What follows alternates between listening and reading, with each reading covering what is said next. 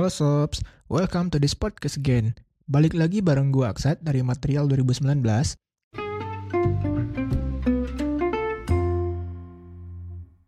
Dulu saya emang masih bingung gitu mas eh, untuk ngambil logam polimer. Soalnya ya memang kepikiran gitu gimana karir ke depan. Tapi mungkin sekarang ya penjelasan dari Mas Eko sendiri yang udah kerja di Tripatra ya. Jadi kayak tambah yakin itu nggak terlalu risau gitu lah mau ngambil apa nantinya. Yang penting ya sesuai sama minat, minat kita juga. Betul. Ya syukur-syukur kebayang gitu kan, gue mau ini, gue mau S2 apa gitu. juga. Tapi ya nggak ngaruh juga. Kayaknya ada juga yang temen ngambil keramik atau polimer, saya lupa ya. Tapi di Krakatau Steel gitu kan ya juga ya nggak spesifik emang harus logam Krakatau Steel misalnya Hmm. harus ini terus teman-teman ada yang kerja di manufaktur kayak misalnya apa ya Astra misalnya nggak juga menurut saya sih nggak juga lebih ke ya pasti ditanyain sih. Tugas akhir di interview gitu aja pasti ditanyain. Tugas akhir akhirnya apa? Ini kenapa ngambil ini? Ya standar lah pertanyaan-pertanyaan standar. Cuman setelah itu nanti teman-teman kerja ya misalnya kerja ya udah nggak ditanyain nggak ditanyain lagi kan. Tugas akhirnya ngapain juga? Udah nggak ditanyain lagi. Lebih ke experience teman-teman. IP juga jarang lah. Kalau kemarin kita saya ada interview juga beberapa nggak tahu berapa ya. Alumni teknik material juga gitu kan ya saya nggak nggak tanya IP-nya lagi gitu. Saya nggak tanya IP-nya lagi. Saya nggak nggak tanya tugas akhirnya ngapain lagi. Saya lebih tanya proyeknya yang sedang dikerjakan apa. Udah pernah ngerjain ngerjain proyek apa aja. Kayak gitu sih mas.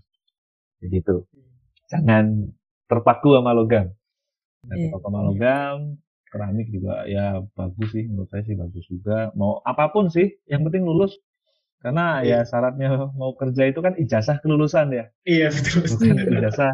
Iya betul. Salah satu syarat daftar kerja itu kan ijazah kelulusan. Jadi kalau ijazah kelulusannya nggak ada ya ya belum bisa mendaftarkan diri ke perusahaan-perusahaan itu aja sih. Lumayan ya. Tapi acara kayak gini harus diseringin mas. Kan bisa kontak juga tuh. Kalau kita juga ada keluarga alumni material ya. Iya. kalau nggak salah ketuanya Ari Kurniawan kalau nggak salah banyak mas. Kita macam-macam sih. Kalau material itu dari mulai apa ya yang painting lah yang material lah yang welder lah yang kementerian juga ada kayaknya. Habis itu ada di kliennya juga banyak di kontraktornya juga banyak di industri di luar oil and misalnya kayak MT juga banyak. Makanya teman-teman bisa saya yakin sih sampean kontak gitu kan banyak juga sih yang mau kalau cuma buat kayak sharing lah sharing-sharing kayak gini. Penting banget sih mas menurut saya biar ada gambaran. Ini loh material tuh bisa kayak gini. Ya sama kayak mbak ya, mbak Cynthia waktu SMA gitu. Emang tahu material ada teknik material ngapain? Kan nggak ada juga kan? Iya. teman-teman Kebayang. kata iya. Benar-benar. teman-teman ya betul. Teman-teman datang ke sekolah-sekolah gitu kan jelasin nih material tuh ini loh. Sekarang kan tahapannya berikutnya gitu. Teman-teman yang jelasin ke teman SMA nanti alumni ya datang eh, jelasin nih ke Mas Raihan nama apa oh kasih ngasih tahu nih dunia kerja tuh kayak gini loh ya wajar emang kayak gitu terus wajar kalau nggak tahu mas karena ya emang belum ngalamin gitu loh Iya, ngalamin. Mas. nanti once itu ngalamin juga oh ternyata kayak gini ya moga-moga sih ini ya kondisinya hmm, bagus ya pandemi ini kan Amin. otomatis yang namanya lowongan lah proyek apa segala macam pasti pasti Gimana? terimpact lah kayak gitu Iya. betul betul Nah, mungkin ini kayak pertanyaan sensitif ya, Mas. Tapi ya, kalau menurut saya pribadi penting untuk ditanya. Mungkin untuk teman-teman juga untuk mengetahuinya penting gitu, Mas. Bisa kayak di-spill sedikit mengenai gaji di PT Tripatra gitu, Mas. Waduh, berat ya. ya saya mau cerita dulu sih, dulu awal-awal saya kerja itu, saya kok nggak salah terima berapa ya, tiga atau empat, gitu. Itu sambil nyicil motor. gitu. Jadi kalau sekarang nggak tahu ya, mungkin rata-rata sama ya. Kalau misalnya EPC kontraktor yang lokal itu dua digit belum, tapi udah gemuk. Kalaupun dua digit ya kurus lah dua digit itu. Tergantung tipe perusahaannya. Bayang kan? Oke. Kalau baru masuk ya mas ya, kalau baru masuk. Iya. Kalau udah experience ya beda lagi lah mas. Kalau experience Iya. kan ya Pasti lebih tinggi. tergantung egonya teman-teman juga. Ya Iya. maksudnya makin banyak pengalaman, masih banyak experience, otomatis kan Iya. sebenarnya kita punya nilai tawar lebih. ya. Iya, iya. Iya. Entah itu naik gajinya bisa di perusahaan tempat saat ini bekerja maupun kita nyari di perusahaan yang lain. Ya, itu pilihan sih. Kadang ada temen yang pengen ya karena proyeknya ini di engineering tuh proyeknya proyek by proyek. Teman-teman tuh akan Hmm. proyek satu selesai, proyek lain, proyek lain, proyek lain, proyek lain. Itu juga yang kadang membuat nggak jenuh. Tapi ada juga temen yang wah ini nih pengen pindah ya udah pindah. Pilihan sih itu. Cuman ya itu gaji itu pasti apa namanya ya kalau nggak nggak kondisinya parah banget ya misalnya ini pandemi nih ada yang dipotong ya ya Iya. mungkin somehow bisa jadi.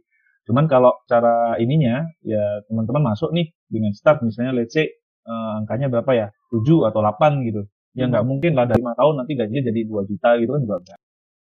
Saya rasa sih di dunia kerja mana pun sama ya, makin tinggi experience-nya akan naik gajinya. Itu aja sih mas. Ini berat Betul, soalnya pertanyaan saya nggak bisa jawab. Iya.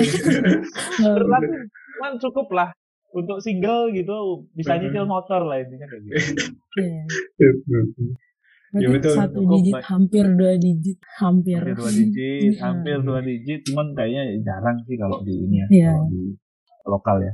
Kalau di EPC lokal kayaknya sih rank mungkin ya batas bawahnya mungkin 7 atau 6 gitu Hmm. sampai Hmm. sampai 10. Tapi ya itu makin banyak experience-nya, biasanya sih bukan cuma kerjaannya juga makin banyak, tanggung jawabnya Hmm. juga makin Iya banyak. benar. Resiko yang teman-teman tanggung juga biasanya lebih gede sih. Wah menarik banget ya kayak cuan-cuannya lumayan banget. Jujur aja kalau di kontraktor lumayan. Ada ya pasti ada ya yang lebih besar pasti ada, yang lebih di bawahnya juga ada. Cuman ranknya segitu. Ya kalau teman-teman langsung misalnya masuk kayak apa ya kayak ExxonMobil sebagai operation wah itu lebih gede lagi karena modelnya yang on off gitu mas biasanya lebih besar. Karena kan resikonya Hmm. juga lebih besar. Nggak ketemu keluarga gitu kan, nggak ketemu keluarga dalam certain waktu apa penugasan lapangan nih. Misalnya kalau Tripatra itu penugasan lapangannya berapa ya sekarang ya? 61 apa ya? 6 minggu seminggu apa 6 minggu 2 minggu gitu. Aduh lama juga ya, Mas. Atau 3 bulan 2 Oh, minggu. iya. Saya lupa. Dulu awal-awal itu 5 atau 6 bulan seminggu. Eh 6 minggu seminggu. Jadi 6 minggu di site, seminggu di rumah. Ya, tapi kalau di lapangan dibandingkan dengan di office nih, ya pasti ada nilai lebihnya kan? Iya. Ya nggak mungkin nggak mau lah kalau nggak ada nilai lebihnya ngapain gitu kan? Karena Ya, resikonya juga lebih besar gitu ya di Betul, resiko, lapangan kan. waktu. Tapi pengalaman pasti lebih banyak. Iya. Maksudnya exposure ke proyeknya itu juga lebih. Ya pokoknya intinya kalau mau lebih ya pasti resikonya lebih gede itu aja sih, Mbak.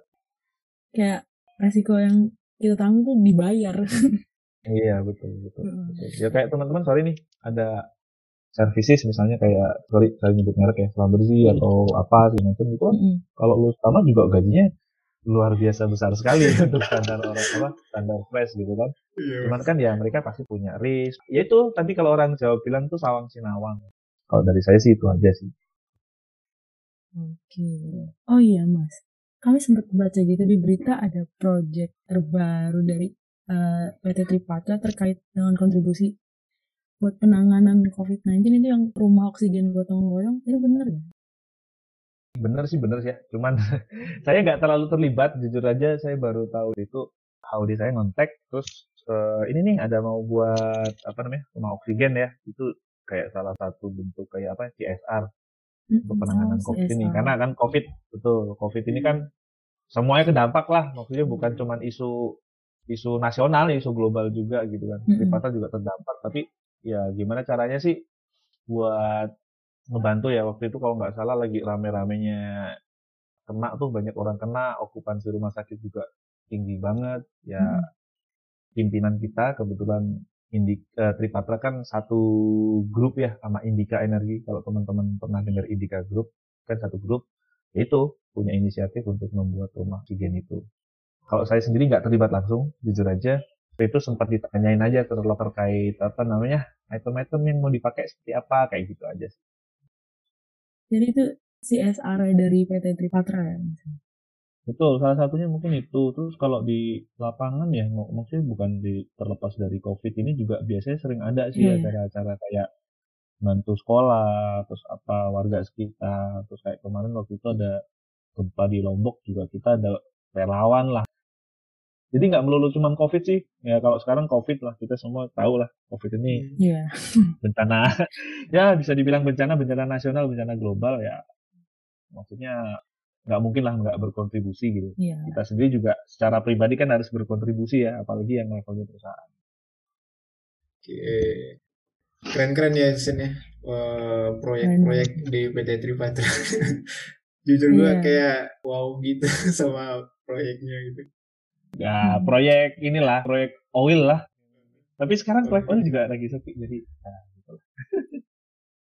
Oh iya. Kalau lagi PPKM gini tuh proyeknya diberhentiin dulu atau tetap jalan? kalau ya ada beberapa yang tetap jalan sih mau nggak mau tetap jalan ya kayak tangguh tuh tetap jalan tapi terimpact jujurnya terimpact kayak apa namanya itu kapasitas orangnya dibatasin. Habis itu kan Hmm. misalnya mau ngedemo orang nih demo automobilisasi dari misalnya dia posisi di Jakarta mau ke set masuk ke Papua itu kan prosedurnya lebih panjang ya. Kalau dulu Iya. medical selesai ya udah berangkat gitu kan. Kalau sekarang kan masuk karantina dites dulu PCR PCR. habis itu karantina dulu. Habis itu setelah karantina di PCR lagi medical baru berangkat. Gitu kan. Otomatis sudah hilang berapa waktu tuh di situ. Nah nanti dia kerja misalnya let's say tiga bulan nanti balik dia juga nggak bisa langsung ketemu keluarganya Hmm. dia harus karantina dulu jadi waktu off-nya pun jadi lebih panjang terus proyek-proyek juga banyak yang di di pending ya yang di Hmm. pending nah kalau tripartite sekarang mau nggak mau ya tetap harus jalan jadi sekarang biasanya kita mengerjakan proyek EPC, OPC-nya oil and gas gitu ya. Sekarang kita kebetulan lagi ada proyek EPC tapi bukan oil. Kita ngerjain petrochemical. Habis itu bukan cuma melulu EPC, kita ngambil pekerjaan-pekerjaan engineering. Hmm. Habis itu fit, kita juga lagi jalan fit. Jadi ya tetap harus jalan. Ya kalau nggak jalan ya nggak muter laju laju perekonomian. financial. Tapi yo gitu. Kita ya, ya sama kayak kita gitu. Kalau walaupun covid gini ya mau nggak mau tetap kita harus kerja. Kalau nggak kerja ya Iya. nggak dibayar itu aja sih. Cuman ya banyak sih pasti teman-teman yang terdampak. Jujur aja kalau ya Tripata dibilang terdampak atau enggak terdampak. Kalau dari pengamatan saya pasti terdampak. Dan saya yakin bukan cuma Tripatra, semua kayak semua lini bisnis ya. Teman-teman Mhm. yang di vendor misalnya manufaktur gitu. Manufaktur dia memproduksi bisa pipa, valve. Dia mau jualan juga sepi. Proyeknya sepi otomatis ya dia mau jual ke mana gitu. Sekarang Apa lebih penting ke kesehatan. Bener, Hmm. sehat itu yang utama ternyata. sehat itu yang utama. Sehat itu penting soalnya kalau kalau sehat ya lu bisa ngapa-ngapain gitu. Kalau nggak sehat itu bahaya. Ya itu sehat, COVID itu iya. saya kira kayak flu biasa sih. Keri ternyata bro. Sehat proyek jalan nih mas. Yo, iya. kalau segala sesuatu yang sehat ya itu jalan. gitu. Iya, Cuman iya. kalau udah ya kena COVID walaupun nggak ada gejala nih, nggak bisa ngapa-ngapain gitu. Minimal isolasi mandiri. Ya ada yang seminggu dua minggu udah sembuh, ada yang sampai sebulan di PCR masih positif gitu. Padahal kalau Iya. syarat masuk di perusahaan PCR-nya harus negatif gitu. Ya gitulah. Ini yang penting sehat. Ya, pokoknya jangan disepelein lah. Oke, mungkin terakhir nih mas, untuk tantangan atau ya hambatan selama mas bekerja di sana gimana mas? tantangan waduh kalau saya awal-awal ini kita mungkin pendapat pribadi saya ya yaitu yang tantangan yang besar itu saya di kuliah tuh nggak diajarin piping kan bukan spesifik disiplin yang Iya. ada kuliahnya. Jadi kayak kita tantangannya di piping itu jujur aja belajar something new. Piping itu ngapain sih? Ada istilah apa gitu kan? Ya kalau dulu saya pulang ke kampung itu desainer tuh ngapain? Apa ngedesain kebaya gitu. Oh ternyata bukan gitu kan. Taruh equipmentnya gimana? Itu desainer gitu maksudnya something new lah banyak something new. Cuman itu kendala saya sih terutama itu. Kalau di saya tuh ya saya jujur aja saya nggak punya bahasa Inggris yang bagus ya. Ya itu aja sih. Kalau kendala saya bahasa Inggris ya akhirnya otodidak sih karena sering Hmm. ketemu kliennya juga klien luar gitu kan. Tripata kan juga sering konsorsium ya join nama perusahaan asing gitu kan untuk mengerjakan satu proyek. iya. ya itu jadi bisa sendiri gitu jadi bisa sendiri ya walaupun ya itulah eh, body language ya lebih ke body language ya bahasa tubuh gitu kan gestur Iya. apa segala macam jadi buat teman-teman ya itu jangan disepelekan bahasa Inggris Hmm. sama satu sih mungkin yang nggak tahu kendala atau enggak ya ternyata kemampuan kayak software-software dasar gitu yang teman-teman sering pakai Word gitu kan terus PDF, habis itu PowerPoint gitu, sama Excel gitu. Wah itu kepake banget lah. Sampai kerja di mana aja, dan summary-kan data, karena kita banyak bermain dengan data, Data. ya, maksud data ya banyak gitu kan. Iya saya nggak nyangka aja Excel ternyata seberguna itu gitu saya dulu ah udahlah asal bisa bisa aja gitu eh ternyata jadi Excel engineer juga gitu Excel engineer gitu.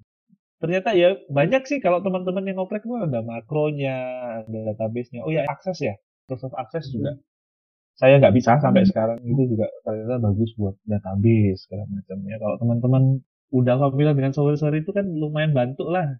Tolong dong, biasanya kan biasanya tolong dong dibuatin ininya summary dari ini, datanya ini kayak gitu. Ya kalau sampai udah lancar tuh, buatnya lancar, lapanya lancar, macam kan enak kayak gitu.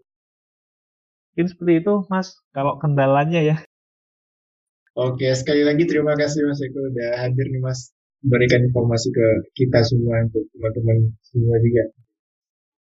Oke, Iya, mungkin saya izin mengucapkan salam ya buat Iya, teman-teman semua, sama teman-teman alumni. Saya udah lama nggak ngucapin salam ini, salam metal ya. Terima kasih, Mas.